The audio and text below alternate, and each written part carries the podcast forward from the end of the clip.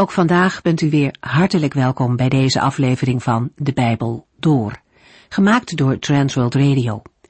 Voor meer informatie kijkt u dan op onze website transworldradio.nl.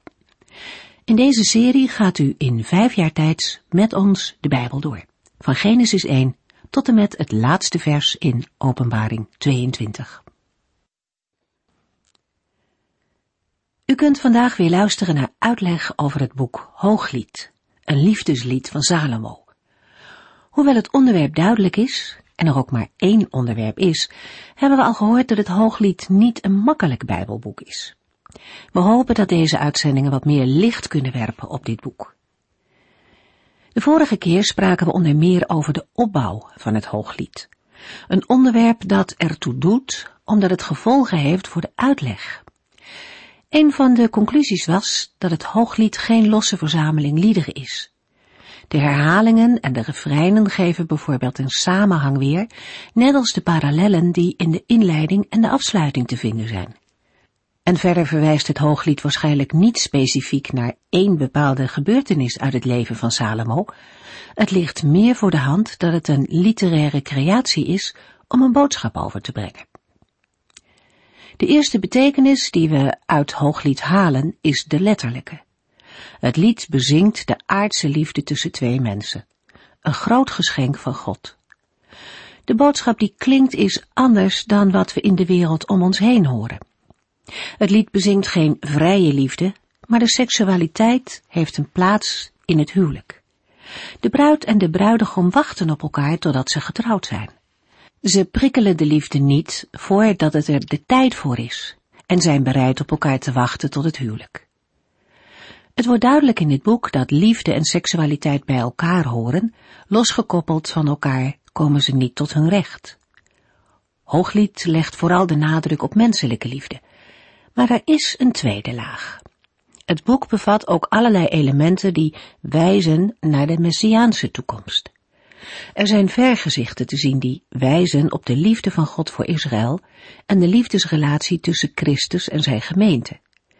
En de liefde tussen man en vrouw is daar ook een afspiegeling van. In de vorige uitzending hebben we een begin gemaakt met het lezen van Hooglied 1. We zagen in vorige uitzending al dat de interpretatie en verklaring van het Bijbelboek Hooglied geen eenvoudige aangelegenheid is. De problematiek van de interpretatie van het Bijbelboek Hooglied is treffend onder woorden gebracht door een middeleeuwse Joodse geleerde, die zijn uitleg begint met de woorden: Weet, mijn broeder, dat je grote moeilijkheden zult tegenkomen bij de interpretatie van Hooglied. In werkelijkheid lijkt Hooglied op sloten waarvan de sleutels verloren zijn gegaan. Een belangrijk probleem is dat het Bijbelboek direct begint met het verlangen van de vrouw gekust te worden door de man. Maar wie zijn bedoeld? Er lijken in de tekst geen uitlegkundige sleutels aanwezig te zijn die de intentie van het Bijbelboek aangeven. Door deze onduidelijkheden is in de loop van de geschiedenis een veelheid van interpretaties ontstaan. Steeds weer blijkt de neiging van uitleggers om vanuit hun eigen kaders het Bijbelboek Hooglied te verklaren. De eerste periode van de uitleg kenmerkt zich vooral door verschillende vormen van allegorie, terwijl vanaf de periode van de verlichting de letterlijke uitleg geleidelijk toeneemt. Een veel voorkomende benadering in de uitleg van Hooglied is de allegorie. Het is een stijlvorm waarin abstracte begrippen en gedachten zinnebeeldig worden voorgesteld. Het woord allegorie is afgeleid van een Grieks woord dat anders zeggen betekent. In de meest strikte opvatting heeft de letterlijke tekst van een allegorie in zichzelf geen waarde, maar dient uitsluitend om te verwijzen naar een andere betekenis. Maar veel uitleggers laten de letterlijke betekenis intact en gebruiken de allegorie om aanvullende toepassingen te kunnen maken. Bij de typologie wordt een persoon uit het Oude Testament als type van Christus gezien. Dat houdt in dat bijvoorbeeld Jozef of David in zijn persoon en werk een schaduwbeeld of afspiegeling vertoont van de persoon van Christus of zijn werk. De profeten, priesters en koningen van Israël zijn dan in meer of mindere mate typen van Christus of de Messias. Typologie komen we tegen als Jezaja de uittocht toepast op de nieuwe exodus van het Joodse volk uit de Babylonische ballingschap.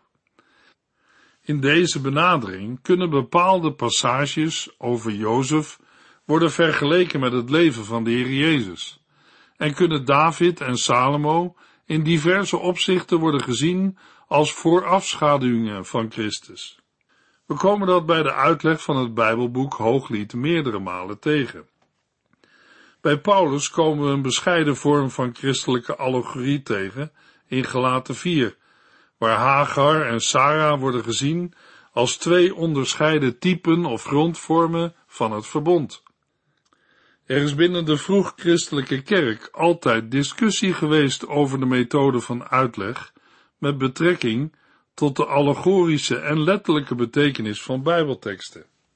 De oudste ons bekende christelijke uitleg van Hooglied komen we tegen bij Hippolytus van Rome, die een fragmentarisch bewaard commentaar op Hooglied 1 vers 1 tot en met 3 vers 8 schreef. Waarschijnlijk is het een paaspreek. Hooglied wordt in het commentaar opgevat als een profetie over het einde van het oude verbond en over het begin van het nieuwe. Zo interpreteert Hippolytus de twee borsten in Hooglied 1 vers 13 als de twee testamenten. Net als kerkvader Origenes probeert hij de tekst vanuit één allegorisch begrip te verklaren, al heeft Origenes ook oog voor de letterlijke betekenis. In zijn verklaring van Hooglied 2 vers 9 gaat hij uitvoerig in op de eigenschappen van een gazel en hertenjong. In de verdere ontwikkeling van christelijke uitleg speelde de zorg over de erotische passages een rol. Door allegorische verklaring kon de tekst zo worden omgebogen dat het verlangen zich richtte op de liefde tot de Here en niet op vleeselijke begeerten. Mogelijk werd op die manier het Bijbelboek Hooglied een geliefd boek voor asceten en monniken. Het kan dan worden opgevat als een profetisch vergezicht van de liefde tussen de Heere of de Heer Jezus Christus en zijn kerk of gemeente. Een korte bloemlezing van verschillende opvattingen uit de geschiedenis van de christelijke kerk. Kerkvader Augustinus was van mening dat de liefde tussen Christus en zijn gemeente de letterlijke betekenis van Hooglied was. Voor hem was het geen toegevoegde allegorische interpretatie. Over geen Bijbelboek is in de middeleeuwen zoveel geschreven als over het Bijbelboek Hooglied, vooral in allegorische zin. In de middeleeuwen is ook de leer van de viervoudige betekenis van de Bijbel ontwikkeld. Als eerste is er de letterlijke betekenis, over de historische setting van de gebeurtenissen. Ten tweede de allegorische of mystieke betekenis, betrokken op Christus en zijn werk. De derde betekenis is de morele betekenis, met betrekking tot het geloofsleven van een gelovige en zijn of haar handelen. De vierde betekenis is de eschatologische betekenis over de toekomst. Op deze wijze kan het woord Jeruzalem worden uitgelegd als a. een stad in Juda, b. de kerk van Christus, c. de ziel van de gelovige en d. de hemel. Kerkhervormer Luther wil in zijn commentaar recht doen aan de letterlijke tekst en ook een eigen tijdse boodschap geven. Volgens hem bevat spreuken algemene instructie voor het volk Israël, maar prediker en hooglied beschrijven verhevenere zaken. Luther heeft aandacht voor de letterlijke tekst, maar is in zijn uitleg allegorisch. De mannelijke hoofdpersoon is een afgezant van God, of het goddelijke woord terwijl zijn echtgenote de bevolking van het koninkrijk van Salomo is. Tevens vertegenwoordigt de vrouw de kerk, gehuwd met Christus. In een aantal gevallen vat Luther de bruid op als de individuele menselijke ziel. Het totaalperspectief van Hooglied is een beschrijving van het koninkrijk van Salomo waar vrede heerst. Salomo is een beeld of type van Christus, de ideale koning. Calvijn en zijn volgelingen sluiten vaak aan bij de middeleeuwse uitleg. Hooglied is voor de reformator poëtische profetie betreffende het huwelijk tussen Christus en zijn gemeente, de kerk. In Nederland treffen we een allegorische uitleg van Hooglied aan in de kanttekeningen van de Statenvertaling. Details in de tekst worden betrokken op de relatie tussen Christus en zijn gemeente of de menselijke ziel. In de 20e eeuw geven vooraanstaande evangelicale en reformatorische bijbeluitleggers een letterlijke verklaring van het Bijbelboek Hooglied, verbonden met een typologische uitleg. De relatie tussen man en vrouw geldt als type van de relatie tussen Christus en zijn gemeente. Deze interpretatie sluit aan bij de hoofdstroom van de evangelicale exegeten, die primair uitgaan van de letterlijke tekst, maar er ook typologie in waarnemen. Zowel in reformatorische als in evangelische kerken zijn stromingen aanwezig die een allegorische of typologische betekenis van het Bijbelboek Hooglied voorstaan. Binnen gereformeerde kringen wordt vaak het heilige karakter van het huwelijk en de seksualiteit onderstreept. Menselijke liefde wordt in Hooglied volgens deze uitleg niet alleen beschreven in termen van Egyptische liefdesliederen, maar ook met de taal van het verbond tussen de Heer en het volk Israël. Daarbij wordt ook verwezen naar de werkelijkheid van de liefde van God in Christus. In later tijd wordt Hooglied vooral beschreven als een lied waarin het huwelijksleven ten volle geheiligd en dankbaar aanvaard en genoten wordt. Daarin komt Hooglied als loflied en leerdicht op het huwelijk naar voren. In recente tijd wordt door vooraanstaande exegeten pleidooi gevoerd voor een messiaanse interpretatie van het Bijbelboek Hooglied, zonder daarbij de allegorie te hulp te roepen. Naast alle genoemde benaderingen is de letterlijke verklaring van Hooglied nooit volledig ontkend. Het is zelfs zo dat de letterlijke interpretatie steeds meer centraal komt te staan. Bij de introductie hebben we de belangrijkste letterlijke verklaringen al genoemd. Hooglied als een beschrijving van de liefde tussen Salomo en het meisje uit Sulem, of de dochter van de farao. Verder is er bij een aantal uitleggers een link naar de Syrische huwelijkspoëzie en is Hooglied een beschrijving van een huwelijksweek. Er zijn cultische benaderingen, verbonden met de vruchtbaarheidscultus van verschillende volken uit het Oude Oosten. Opvattingen dat Hooglied een beschrijving van een droom is, een Oosters liefdeslied of zelfs een beschrijving van een drama waar twee of drie personen in optreden. Het Bijbelboek Hooglied is op allerlei manieren vertolkt in gedichten, schilderkunst, muziek, drama en films. Het is boeiend om kennis te nemen van de grote verscheidenheid aan interpretaties. De veelheid van opvattingen laat zien dat een hoge mate van subjectiviteit aanwezig is bij de uitleg van het Bijbelboek Hooglied. Het probleem van al deze benaderingen is het ontbreken van aanwijzingen dat het Bijbelboek zo moet worden opgevat. De meeste allegorische uitleggers erkennen wel dat er een letterlijke uitleg bestaat, maar geven meestal toch aan dat de allegorische betekenis de beter is. De typologische verklaring sluit in het algemeen beter aan bij de heilshistorische verbanden en overeenkomstige gebeurtenissen. Uitgaande van de letterlijke verklaring is er in de loop van de laatste eeuwen een breed scala aan benaderingen verschenen. Deze veelheid aan benaderingen illustreert ook de complexiteit en veelzijdigheid van het Bijbelboek Hooglied.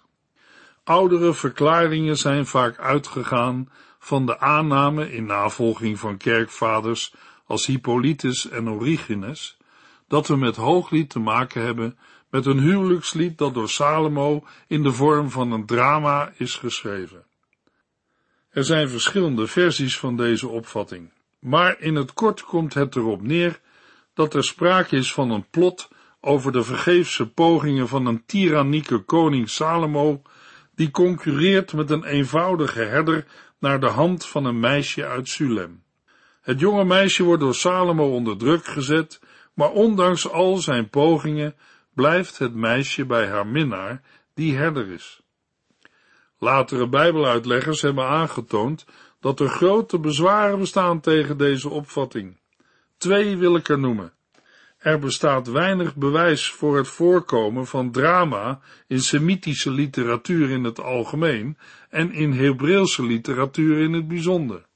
Daarnaast is het voorbeeld van koning Salomo, die een vrouw probeert te verleiden die al voor een ander bestemd is, geen goed voorbeeld van wijsheid.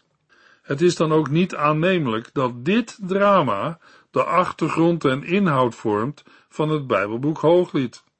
Hooglied neemt de lezer mee in de beschrijving van de liefde tussen twee mensen. Het Bijbelboek bevat een aantal hartstochtelijke ontmoetingen tussen een man en vrouw voor en tijdens de huwelijksvoltrekking. Vijf literaire concentrische cirkels zetten elk in met een heftig verlangen en eindigen met vervulling van een wens. Door middel van herhaling wordt de lezer bepaald bij de kracht van liefde en verschillende beschrijvingen werken dit uit. Hooglied 1 vers 1 tot en met 4. Het allermooiste lied van Salomo. Ik verlang ernaar dat hij mij kust. Zijn liefde is meer waard dan de heerlijkste wijn. Uw zalfolie geurt verrukkelijk, nog heerlijker is de klank van uw naam. Daarom houden de jonge meisjes van u. Voer mij met u mee. Laten we ons haasten. De koning nam mij mee naar zijn vertrekken. Wij willen jubelen en blij zijn met u. Uw liefde gaat de vreugde van de wijn ver te boven. Het is terecht dat men zoveel van u houdt. De eerste woorden van het opschrift, letterlijk het lied der liederen, dienen als uitdrukking van de overtreffende trap. Het bepaalde lidwoord het duidt ook op het unieke van dit lied. Het gaat om het allermooiste lied. De woorden geven ook aan dat er een diepere betekenis is. Het noemen van de naam van Salomo in het opschrift wijst Salomo aan als auteur. De eerste cyclus, hooglied 1 vers 2 tot en met 2 vers 4, begint met een uiting van verlangen van het meisje of de bruid en wordt gevolgd door een zelfbeschrijving in hooglied 1 vers 2 tot en met 6. Daarna volgen er drie dialogen tussen bruid en bruidegom in hooglied 1 vers 7 tot en met 2 vers 3, terwijl de tekst afsluit met hooglied 2 vers 4 met een mededeling dat de wens is vervuld. In hooglied 1 komen een man, een vrouw en een groep voor, die als meisjes van Jeruzalem wordt aangeduid. Het meisje zal de man al eens gezien hebben en is verliefd op hem geworden. In de genoemde verse wordt beschreven hoe een vaste relatie tussen hen ontstaat. Zonder introductie voor de lezer over namen of omstandigheden, neemt de vrouw in vers 2 het woord en geeft uiting aan haar verlangen. Ze smacht naar de aanwezigheid en de kussen van haar aanstaande man. Blijkbaar verlangt zij naar de intimiteit van het huwelijk, want kussen op de mond gold als de meest intieme kus. Elkaar kussen in het openbaar was alleen gebruikelijk en aanvaardbaar binnen sociale relaties, met name in familieverband. Er is een snelle overgang van het spreken over de geliefde naar een direct aanspreken met uw. De bruid verwoordt de bekoorlijkheden van haar geliefde, zijn liefkozingen, geur en naam. Ze maakt duidelijk dat zijn liefde beter en meer is dan de allerbeste en zoetste wijn. Zijn geur is voor haar meer dan kostbaarste zalfolie. Nog heerlijker is zijn naam. De naam van haar geliefde vertegenwoordigt zijn hele persoon, en die is heerlijker dan de alles doordringende en benevelende geur van dure parfumolie. Het slot van vers 3 vermeldt dat haar geliefde geliefd is bij de jonge meisjes. De aanstaande bruid eindigt haar openingslied met woorden van verlangen, gericht tot haar geliefde, en vraagt haar met zich mee te nemen. Ze onderstreept haar ongeduldige verlangen met de oproep: laten we ons haasten. Uiteindelijk verzucht zij: de koning nam mij mee naar zijn vertrekken. Het meisje of de bruid noemt haar geliefde koning waarbij nog geheim blijft of hij dat ook werkelijk is, of dat zij door de liefde hem zo ziet. Uitbundig spreekt zij het verlangen uit om vanwege hem opgetogen en blij te zijn. Zijn liefde gaat de vreugde van de wijn ver te boven. Het is terecht dat men zoveel van u houdt. Hooglied 1, vers 5 en 6. Ik ben bruin en charmant om te zien. Meisjes van Jeruzalem, ik ben zo bruin als de tenten van Kedar en de gordijnen van Salomo. Let er maar niet op dat ik zo bruin ben. De zon heeft mij verbrand. Mijn broers hebben mij ruw behandeld. Ik moest hun wijngaarden bewaken. Maar mijzelf heb ik niet goed bewaakt.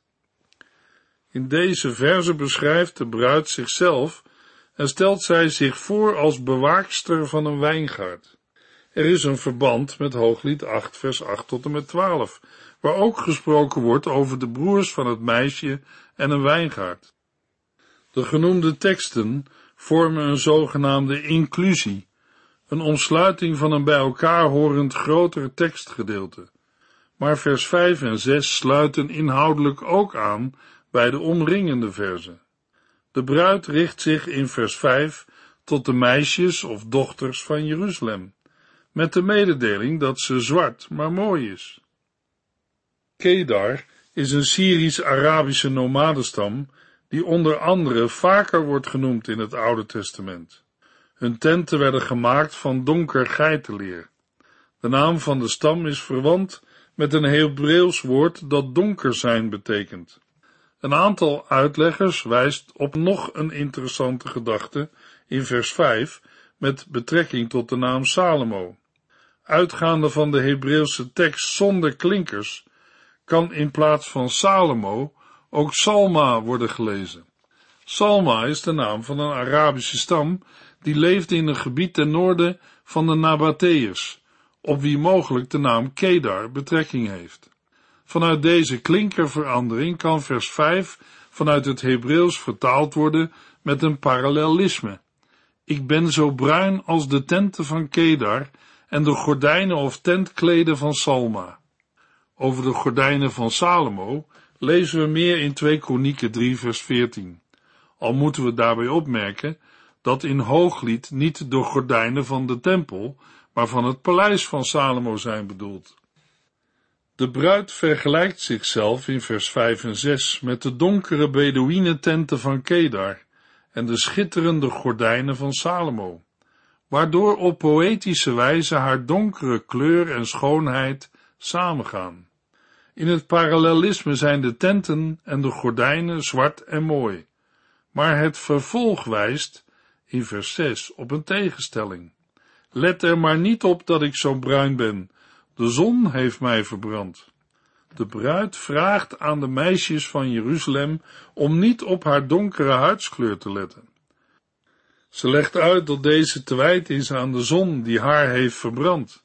Dat gebeurde tijdens haar werk als bewaakster van de wijngaarden van haar broers. Zij hadden haar gedwongen om hun wijngaarden te bewaken. Het woord wijngaard komt negen keer voor in Hooglied. Het woord wordt in Hooglied op twee manieren gebruikt. In letterlijke zin met betrekking tot de wijngaarden van de familie en als metafoor of beeld met betrekking tot het eigen lichaam van de bruid. Dit laatste moeten we in gedachten houden bij de woorden, maar mijzelf heb ik niet goed bewaakt. Daarmee wordt bedoeld op haar eigen lichaam en voorkomen. Mogelijk is zij zich ervan bewust dat haar zongebruinde huid haar nederige sociale positie verraadt en niet overeenstemt met de opvattingen in zaken vrouwelijke schoonheid in haar cultuur. Vrouwen die behoorden tot de aristocratie of adel hadden een lichtere huidskleur, net zoals dat in het oude Egypte het geval was.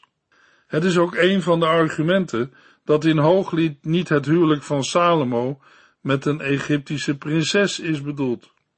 De ruwe behandeling door haar broers en het moeten bewaken van hun wijngaarden in samenhang met de opmerking, maar mijzelf heb ik niet goed bewaakt, kan ook te maken hebben met het feit dat de broers hun zuster wilden bewaren voor liefdeservaringen op te vroege leeftijd. Binnen de Oosterse cultuur en familieverbanden is dit een vanzelfsprekendheid die door ouders van hun zoon of zonen wordt verwacht. Hooglied 1 vers 7 Mijn liefste, zeg me waar je je kudde wijdt en waar smiddags je schapen rust houden. Er is immers geen reden mij te sluieren, zoals wanneer ik bij de kudden van je vrienden kom. Met deze woorden toont de bruid openlijk haar innige liefde voor haar bruidegom. Ze spreekt in de taal van een herderin en wil weten waar haar geliefde zijn kudde wijdt. Tijdens de middagrust hoeft de kudde niet verder te trekken, maar houden de schapen en de herder rust. De woorden doen denken aan Psalm 23 vers 2. Hij laat mij uitrusten in een groene weide. Juist dan is een rustige ontmoeting van twee geliefden mogelijk. Ze wil hem vinden, maar niet gezien worden door zijn vrienden. Ook al is de intentie van haar vraag onduidelijk, het bedekken of sluieren heeft waarschijnlijk de bedoeling dat ze niet gezien wil worden als prostituee. Hooglied 1 vers 8 Jij bent de mooiste van alle vrouwen. Als je niet weet waar ik wijd, volg dan gewoon het spoor van de kudde.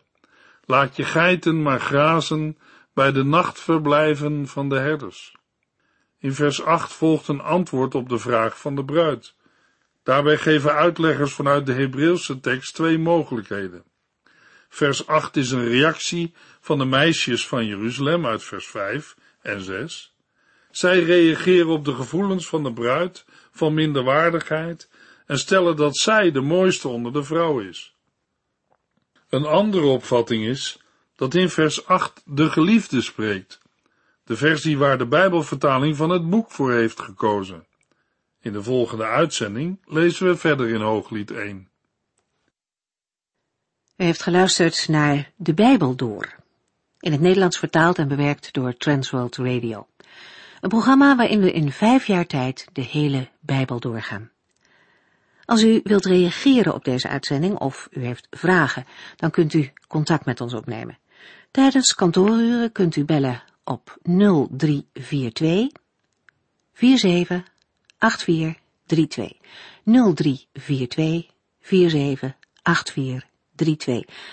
Ook kunt u een e-mail sturen naar de Bijbel door at en natuurlijk kunt u ook via de post ons bereiken. TWR, postbus 371, postcode 3770, AJ in Barneveld. Dit programma werd gepresenteerd door Cor Weda en Ike André. Techniek was in handen van Odin van Voerkom. En wij allemaal bedanken u voor het luisteren. Graag tot de volgende keer.